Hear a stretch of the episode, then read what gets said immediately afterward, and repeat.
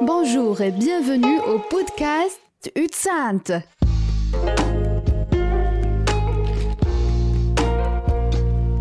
Au danser! au ka emisjon podcast la. Du lytter til Utsendt, en podkast fra Misjonssambandet. Velkommen skal du være til podkasten Usendt. Mitt navn er Leif Thomas Gjerde. Og I dagens episode så skal vi sette fokus på bistandsarbeidet i Misjonssambandet.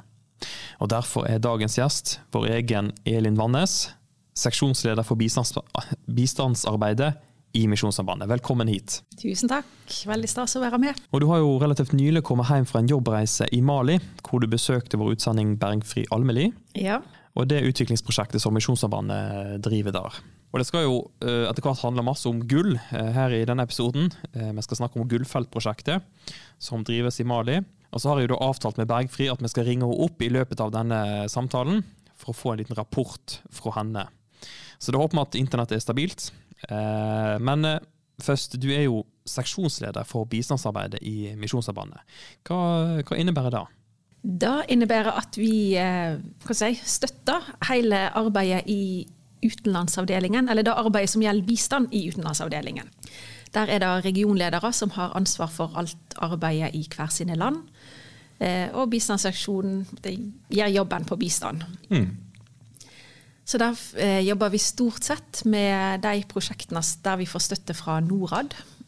Og så er det noen mindre prosjekt der vi bruker bare en, e, egne innsamla midler. Når man er seksjonsleder for, for bistandsarbeidet, da blir det kanskje en del papirarbeid, mye rapportskriving osv. Hva, hva er det du gjør sånn på, på daglig basis? En hovedoppgave skal være å sikre at det er god faglig kvalitet på arbeidet vi gjør. Så vi skal helst eh, være gode på eh, bistandsstrategi, metoder for å drive god bistand, og kommunisere det til prosjektledere, til ledere, til utsendinger som jobber med bistand. Og så er det veldig masse byråkratier, da, og særlig der vi får Norad-støtte. Um, og formålet med det er jo at det skal være god kvalitet på prosjektene. Og at det skal være info tilbake til den norske allmennheten om hva, hva bistand eh, har som resultat. Em, ja. Og så er det jo en, en sikring eh, mot korrupsjon. En må, en må ha og vise at en har eh, eh, god økonomistyring, gode system for å følge opp penger, pengestrømmen. Ja, Ja. Så jobber vi masse for å både sikre at det er gode planer for hva prosjektene skal gjøre, og på etter, et, eh, etter årsslutt å vise hva, hva en faktisk oppnådd. Hva en gjort, og hva en oppnådd. Hva vil du si definere et bistandsarbeid i Misjonssambandet? For uh, vi driver jo med masse prosjekt, men hva skal liksom til for at ok, dette her er et bistandsarbeid og ikke diakoni? Ja, for oss er diakoni ei hovedoverskrift. Eh, Det sier noen ting om at vår begrunnelse for å gjøre det vi gjør, er fra Bibelen fordi Gud har skapt oss, og Gud har skapt menneskene de vi treffer rundt i verden. Og sagt at vi skal vise omsorg, vise trua vår i praksis. Så uansett hva vi gjør, så kaller vi det bistand. Enten det er det vi gjør personlig som kristne, enkeltkristne, det en gjør som menighet eller som misjonsorganisasjon. Så er det nok det som krever mer profesjonell innsats. Eh, fagfolk med bestemt fagkompetanser, eh, og som er mer definert som prosjekt, som en kaller bistand eller bistandsprosjekt. Så det du sier er at eh, når eh, Misjonssambandet har bistandsarbeid, så kan det like så godt være prosjekt som kirka er involvert i. Eh, Det er også forkynnelse involvert, eller? Fra vår side så består misjon av evangelisering og diakoni. Så for oss så er dette en naturlig del av arbeidet som vi driver. Så er det nok noen som mener at misjonsorganisasjoner ikke kan drive bistand, men jevnt over, det vi opplever fra Norads side, er at det er en stor aksept for at eh, vi både kan og skal drive bistand.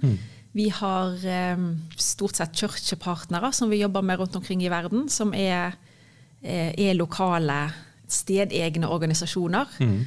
Som kan gjøre en jobb på en annen måte enn da en kan nå med støtte via stater eller store internasjonale organisasjoner. Så eh, norske misjonsorganisasjoner har for så vidt godt rykte som bistandsaktører. Kan det ha noe med den eh, Vi hører jo ofte om denne her eh, eh, Ikke Solheim-rapporten, hva var det det var for noe? Altså han Erik Solheim, miljø- og utviklingsministeren på, i 2010, Ja. har løfta fram viktigheten av liksom å, å ta med religion i bistand. Ja, ja, det var egentlig et eh, stort skifte, som vi opplevde da, til, en, til å få en aksept for at eh, ja, kristne kan drive bistand. Han sier jo da at alle folk flest i verden har ei tru, eller har en religion de tilhører.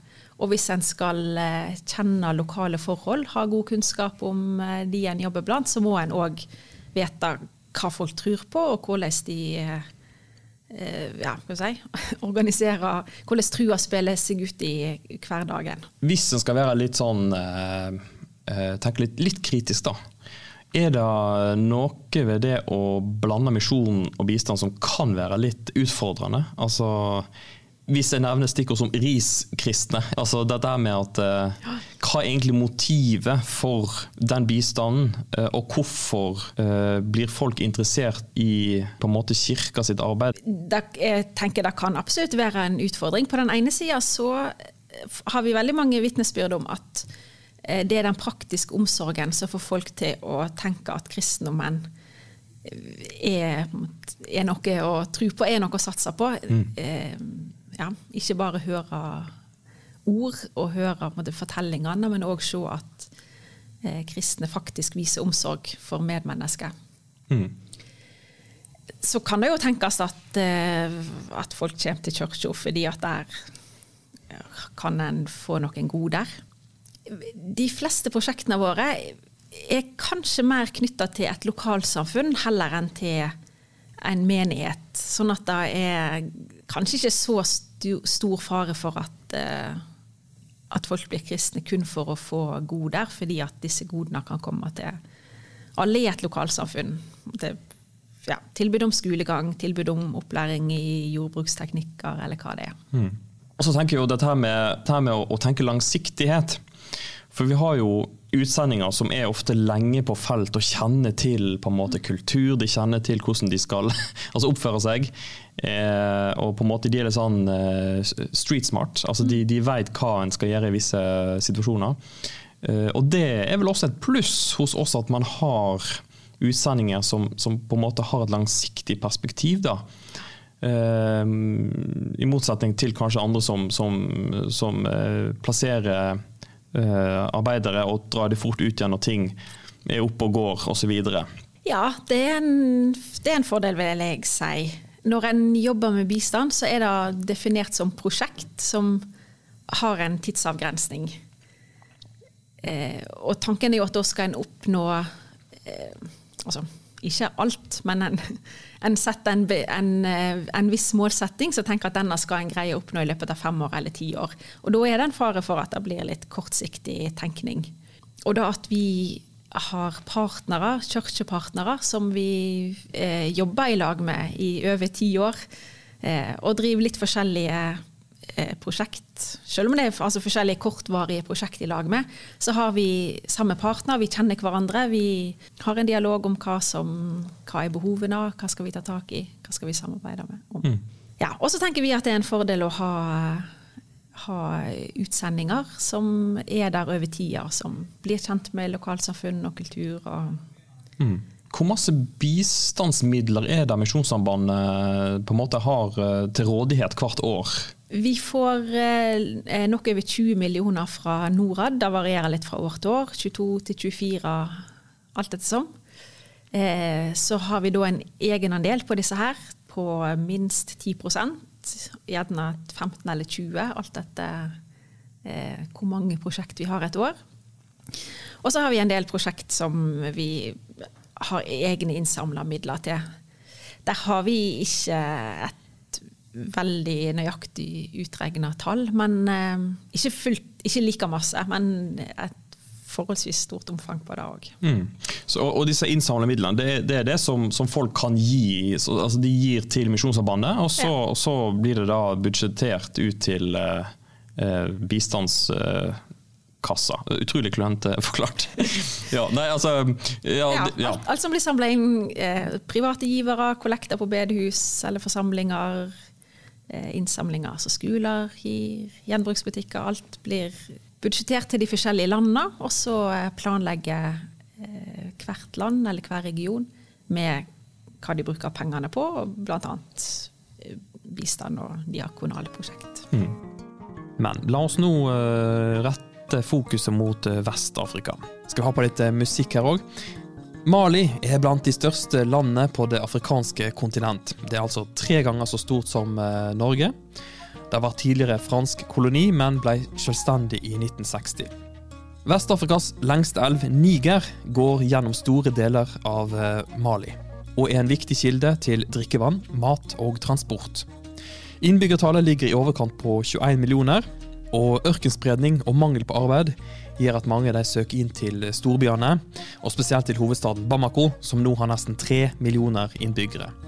Og denne urbaniseringen den gir store utfordringer for Bamako, som da gjør den til verdens sjette mest hurtigvoksende byer. Og den raskeste på det afrikanske kontinent. Så hva tenker du om Mali og og Bamako, Elin? Jeg syns Mali er et veldig hyggelig land.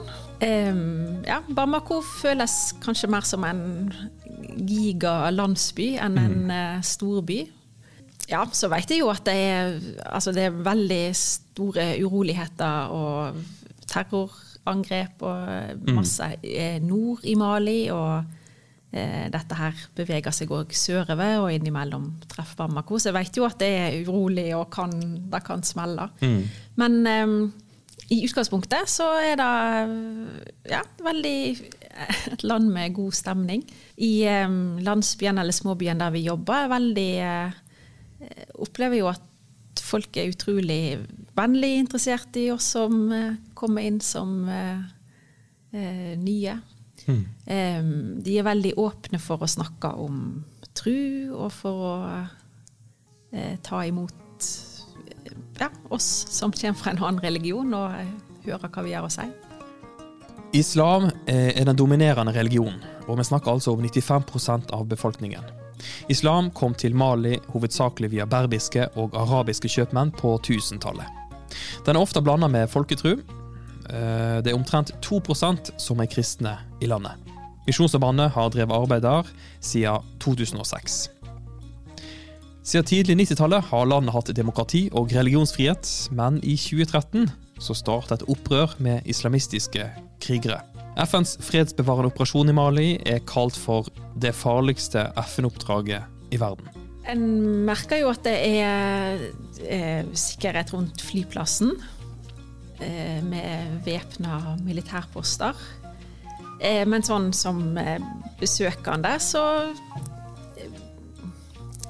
merker en ikke voldsomt masse til da Eh, men vi følger jo med på eh, ymse eh, ja, altså organisasjoner som jobber med sikkerhet, som gir ut rapporter. eh, Følger med på nyheter for å følge med på situasjonen, fordi at vi vet at eh, det er urolig, og det kan, da kan smelle eh, ja, ulike plasser. sånn at den, det er noe en må følge med på, selv om hverdagslivet tilsynelatende er rolig og greit. Og så var det dette gullet. Landet har en mektig historie med flere betydningsfulle konger, og mye pga. de store forekomstene av gull som vi finner i Mali. Kongen Mansa Musa, som det sies var en av verdens rikeste personer på den tida, han la ut på en pilegrimsreise i år 1324 til Mekka, med tusenvis av kameler og mennesker som bar enorme mengder med gull, som førte til at gullprisen sank, bl.a. i Egypt. Han var forresten også samme konge som bidro til at den legendariske ørkenbyen Timbuktu ble et religiøst og kulturelt kunnskapssentrum av stor betydning. I dag er gruveindustrien dominert av gullutvinning, og er på det området tredje størst i Afrika, og bidrar til betydelige summer i statskassen. Så gull har vært, og er fortsatt, big business i Mali. Gullgruvedriften påvirker også i stor grad livet til innbyggerne til landsbyen Misjonssambandet er til stede i.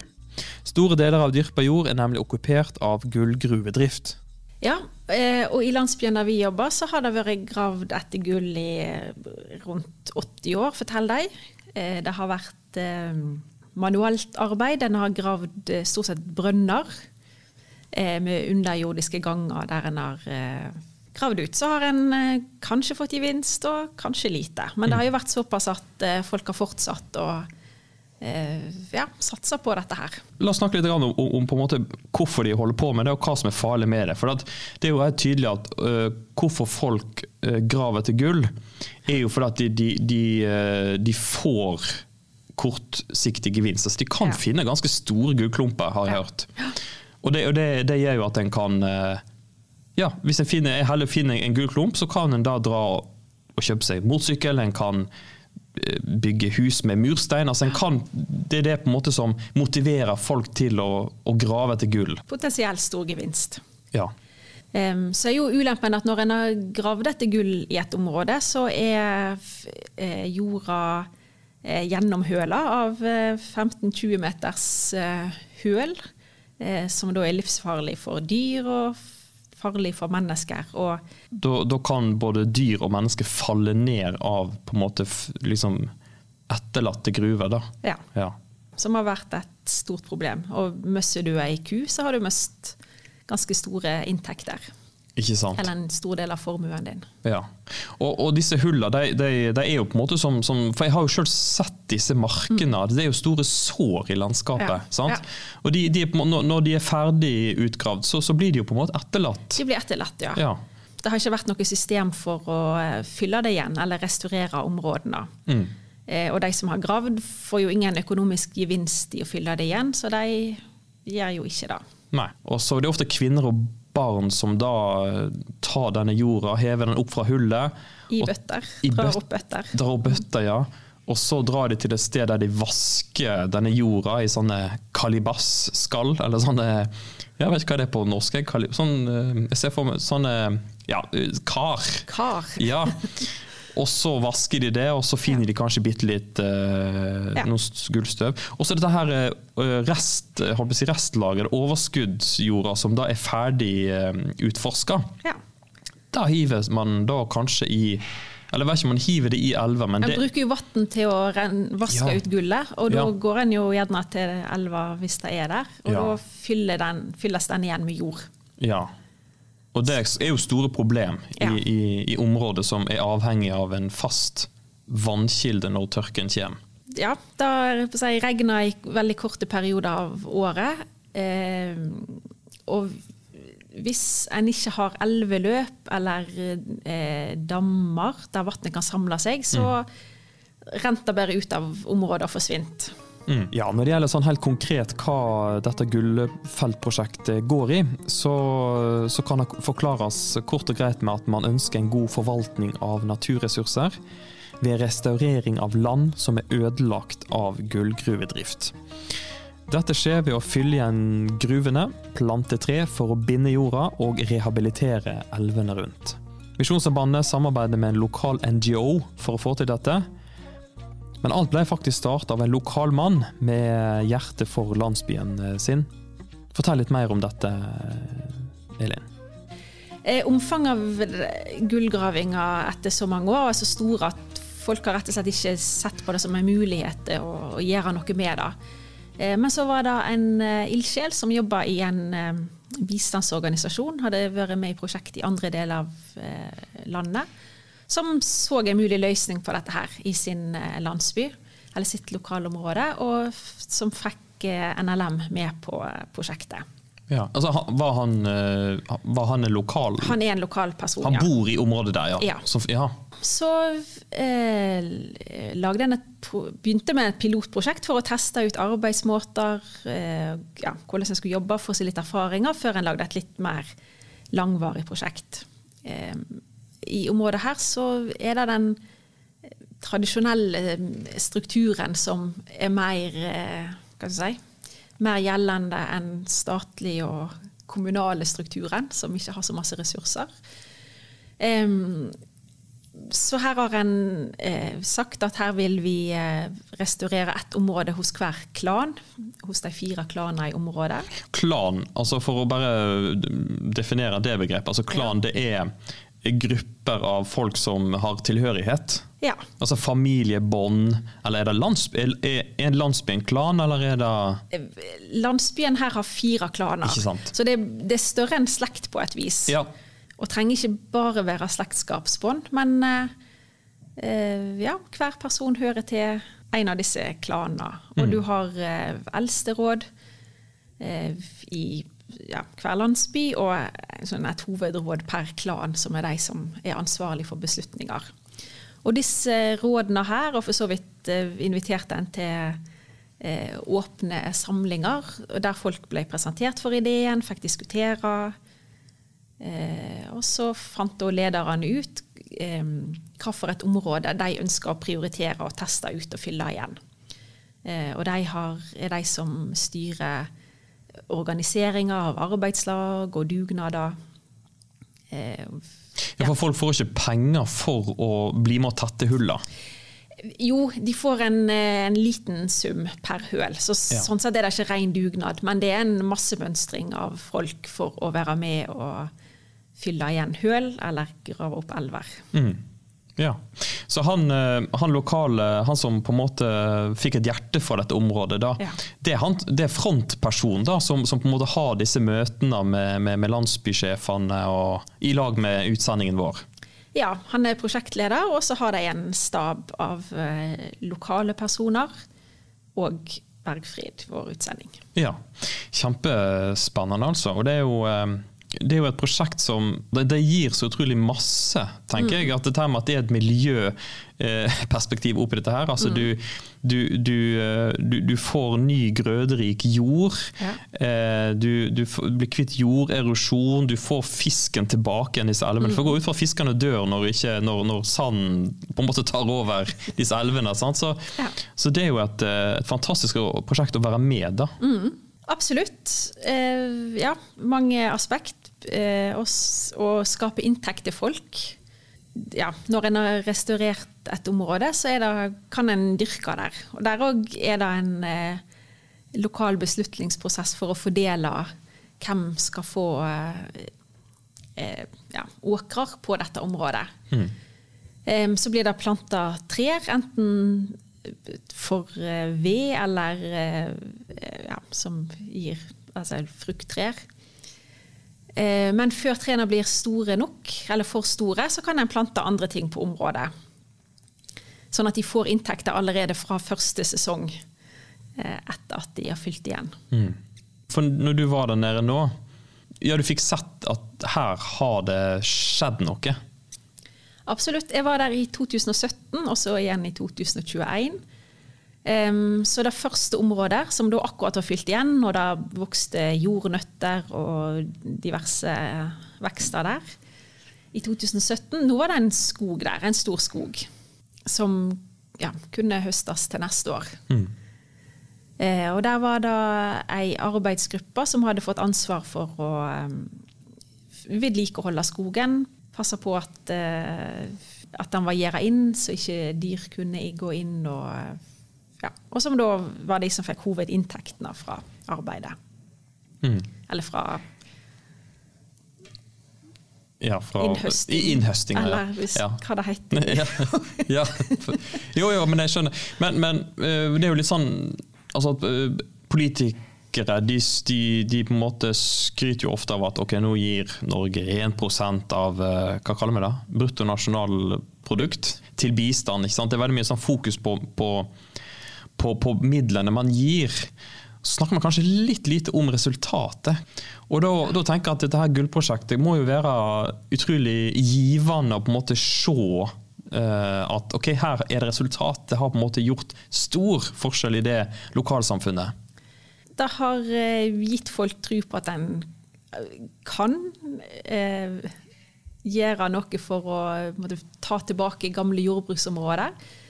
Eh, det har gjort at folk har sett verdien av å ta vare på naturen som natur, og at, den, at vi er avhengig av den. Så viste evalueringen eh, Det var en evaluering eh, nå rundt årsskiftet som viste den positive effekten som dette her hadde hatt på folks samarbeid. Det har vært engasjert arbeidsgrupper og altså grupper som skal forvalte ressurser. Eh, masse forskjellige ja, komiteer og, ja, og alt dette her har gjort folk bedre i stand til å eh, ja, rett og slett samarbeide for å løse problemet i lag, som er et potensial de kan bruke til andre utfordringer som de har. Ja. Men da liksom, å gi folk eh, håp og, ja, og rett og slett bare se at disse enorme ødeleggelsene som er her, vi kan faktisk gjøre noe med en del av det. Tror du at eh, Skal vi se altså nå, det, det, er jo, det er jo flott å høre om at det var en lokal person som på en måte var initiativtakeren her. Ja. Tenker du at det er avgjørende? Ja, det hender jo at eh, det er våre utsendinger som kommer utenfra og ser eh, utfordringer og ser muligheter som kan så inn ideer. Men uansett så er en avhengig av at det er lokale folk eller lokale organisasjoner eller kommune eller hva det er. Noe, ja, noen lokale i alle fall. Som, eh, som tenner på ideen og som tenker at dette er nyttig, og som òg eier prosjektet. Hvis ideen bare kommer utenfra, så er det en viss fare for at dette fungerer så lenge vi er der med våre penger, og så slutter det når vi forsvinner. Så kan en ha gjort masse bra, selvsagt, og mange folk kan ha fått det bedre. Men det er en veldig mye større sjanse for at dette her kan ha mer langvarig effekt, og kan spre seg videre til andre hvis det er lokalt eierskap, som det heter på fagspråket. Ja, hallo Bergfrid. Hei, hei, god dagen. Ja, Så flott at du også kunne bli med her i denne podkasten. Ja, jeg hadde lyst til å være med i det gode selskapet. Så bra. Nei, Jeg sitter jo her altså med Elin, og, og hun har jo besøkt deg nå, nå nylig. og Vi skal jo snakke litt videre om Gullfelt-prosjektet. Eh, Og ja. Da må jeg bare spørre, Har du noen oppdateringer til oss på, på, på dette prosjektet?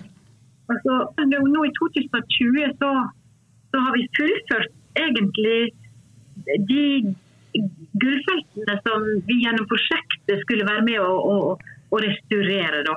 Og da, det vil si at alle fire store jord, klaner, altså jordeierne, er fire store jordeiere, de har alle fått erfaring med å, få, å restaurere et gullfelt som for deres det, det gjorde et eh, areal som tilhører deres klan. Så nå I 2020 så var det to nye klaner som fikk restaurert eh, til sammen eh, 11 eh, hektar, dvs. Si 110 dekar, eller 110 mål. Som er blitt sånne eh, krater på det ene gullfeltet som er fylt igjen med jord. For det andre så er det sånne brønner som kanskje er 80 cm i diameter og 15-20 meter dype, som er blitt fylt igjen. Og, og så er det planta trær på begge eh, feltene. Det er gjerda inn. Det er det som er på 60 mål, jeg holder de på gjerdet nå. Det er kjempearbeid. Og befolkninga står for å finne gjerdestolper, og prosjektet har holdt gjerde. Og så er det planta tusenvis av trær på begge, på begge feltene. Så det er veldig spennende. Ja. Og det, og det som er veldig gøy, da, det er at gjennom klansystemet altså en klan um, Det er mange familier som tilhører en klan. og Det er ikke bare sånn at de er i slekt med hverandre. en klan, altså det, det, det ikke, går ikke på slektskap, det er andre forhold som definerer det. De, har, liksom, de kan si til alle familiene hver familie dere skal sende én mann eller ei dame til dette her fellesarbeidet. Og så, så det er egentlig Gjennom dette prosjektet så når vi faktisk utrolig mange altså representanter for familier i hele landsbyen. Da, som er, eh, det er jo 6000 innbyggere og kanskje, pluss, kanskje mer òg. Så det er veldig mange som har fått erfaring helt konkret direkte med å restaurere et gullfelt. At det er mulig. Først tenkte jeg at det går ikke an å restaurere gullfelt. De bare lå der, var ødelagte. De var de, ting som tok liv. Kyrne datt ned i, du kunne ikke dyrke der. De var farlige. Og så er det liksom at folk har sett at nei, vi har fått tilbake jorda. plante tre. Vi satser for framtida. Så, så det er liksom Ja, og kjempespennende. Ja, Fantastisk å høre. altså. Men, men det du sier er at uh, det er på en måte nå man ser litt fruktene av, eh, av det, dette prosjektet. Altså, det har jo pågått noen år nå, men, men det er på en måte nå folk ja, kan se at uh, jorda kan dyrkes og, og trærne gir skygge osv. Hvert fall nå, hvert fall nå er det, vi kom så langt at alle klanene har fått en egen erfaring med å gjøre det. De har ikke bare Mm. sett på de andre. men sånn, og det, det å gjøre ting selv, altså sånn pedagogisk i skolen altså Hvis du, hvis du selv gjør noe, så sitter det mye bedre enn hvis du bare hører om ting. Men når du gjør ting sjøl, så, så, så, så får du en annen type erfaring. Og, men eh, for så vidt så har vi jo allerede etter pilot så begynte jo folk å kopiere det og, og reparere eh, andreplasser til folk som hadde muligheter til det. Mm. F.eks. en, en bulldosereier. Han fikk restaurert nesten 50 dekar sjøl, da. Og så har det vært noen med litt mindre, kanskje som ikke har den muligheten. De har restaurert litt her og litt der. Sånn at eh, det er nesten like mye Ja, det er kanskje en 100 mål som er restaurert på privat initiativ utenom prosjekt. Nå har jo jeg og Elund snakka litt om, eh, om dette med utviklingsarbeid i misjonen. Eh, og Har du noen tanke om dette, Bergfrid? Dette med at man driver med utviklingsarbeid? Altså, jeg syns at det å få være i en landsby, og så kommer det noen lokale ressurspersoner til deg, og vi er der som misjon, og så sier de til oss at det er dere som kan hjelpe oss, dere inn i NLM. Det er dere som er her. Dere, dere må bare hjelpe oss med å få til det her prosjektet med å, å restaurere naturen, men òg å være med og snu holdningene.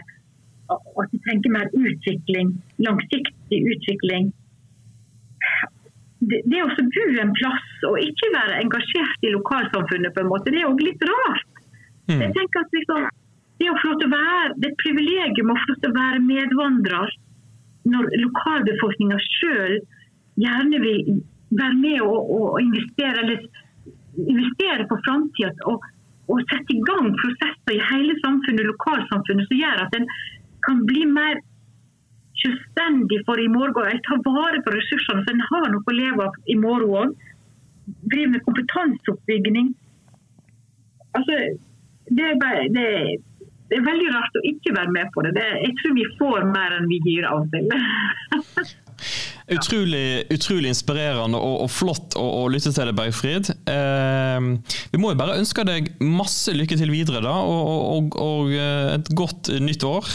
Eh, og så skal jeg og Elin fortsette samtalen litt her i, i, i studio. Så takk at du, eh, du stilte opp, eh, Bergfrid. Veldig hyggelig å være med. Ja, det var da Bergfrid Almeli fra Bamako. Ja, veldig eh, hyggelig å høre Bergfrid. Vi er voldsomt glad for å ha eh, henne som vår utsending i Mali. Det er eh, gull å ha eh, gull, ja, ikke bare i gullprosjekt. Men vi er veldig, eh, generelt veldig stolt over utsendingene som vi har rundt omkring i verden. De gjør en eh, eh, veldig god jobb i å eh, forklare oss for å hva som foregår på bakken, og eh, sånn at vi som sitter her i Norge og skal eh, både hjelpe prosjektene og kvalitetssikre at vi skjønner, skjønner mer av kultur og skjønner mer av hva som foregår på bakken. Og så hjelper de oss å forklare alle disse kravene som kommer fra Norge. Og, Og så var det jo ja, det var gøy å høre at folk har tatt egne initiativ. De har sett Ja. på prosjektet. Og så har de tenkt ja, men dette skal vi jo klare. Det må jo være en slags uh, nest, jo ikke solskinnshistorie, men det er jo litt sånn man, man vil at det skal være. At man ikke sitter og venter på kommer det en uh, bistandsorganisasjon til hjelper med, men dette her kan jeg faktisk gjøre sjøl. ja. ja, dette her er jo virkelig det vi ønsker å oppnå. At prosjektene kan være eksempel som viser folk at dette er mulig å gjøre. Um, Så er det ikke alltid det er så lett å få det til. Så at eh, det er gjort i så stor grad i Mali, det er virkelig et godt resultat. Ja, men da tror jeg vi går mot en slutt eh, på, på denne samtalen. Tusen takk for at du stilte opp, eh, Elin. Og eh, forhåpentligvis gjorde mange av oss litt klokere på bistand i Misjonssambandet. Så er du jo selvfølgelig hjertelig velkommen tilbake når du er på andre turer rundt om på feltene. Vi har jo veldig lyst til å høre mer om andre prosjekt på andre felt. Så takk skal du ha for tida di. Bare hyggelig. Utsendt er en podkast produsert av Misjonssambandet. I redaksjonen sitter også Elise Haugland og Narve Jonas Nystøyl.